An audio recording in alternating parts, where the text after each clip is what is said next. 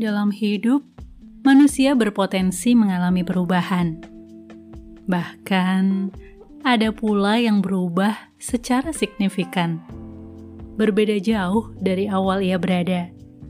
Tentu, pertumbuhan dan perkembangan seseorang tak luput dari bantuan pihak lain.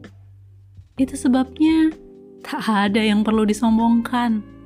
Kita semua berawal dari tidak mengerti lalu belajar dan mengalami perubahan. Jangan lupa dari mana kita berasal.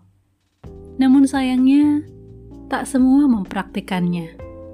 Sehingga muncullah istilah kacang lupa kulitnya. Lupa asalnya. Nggak tahu diri. Nggak tahu berterima kasih.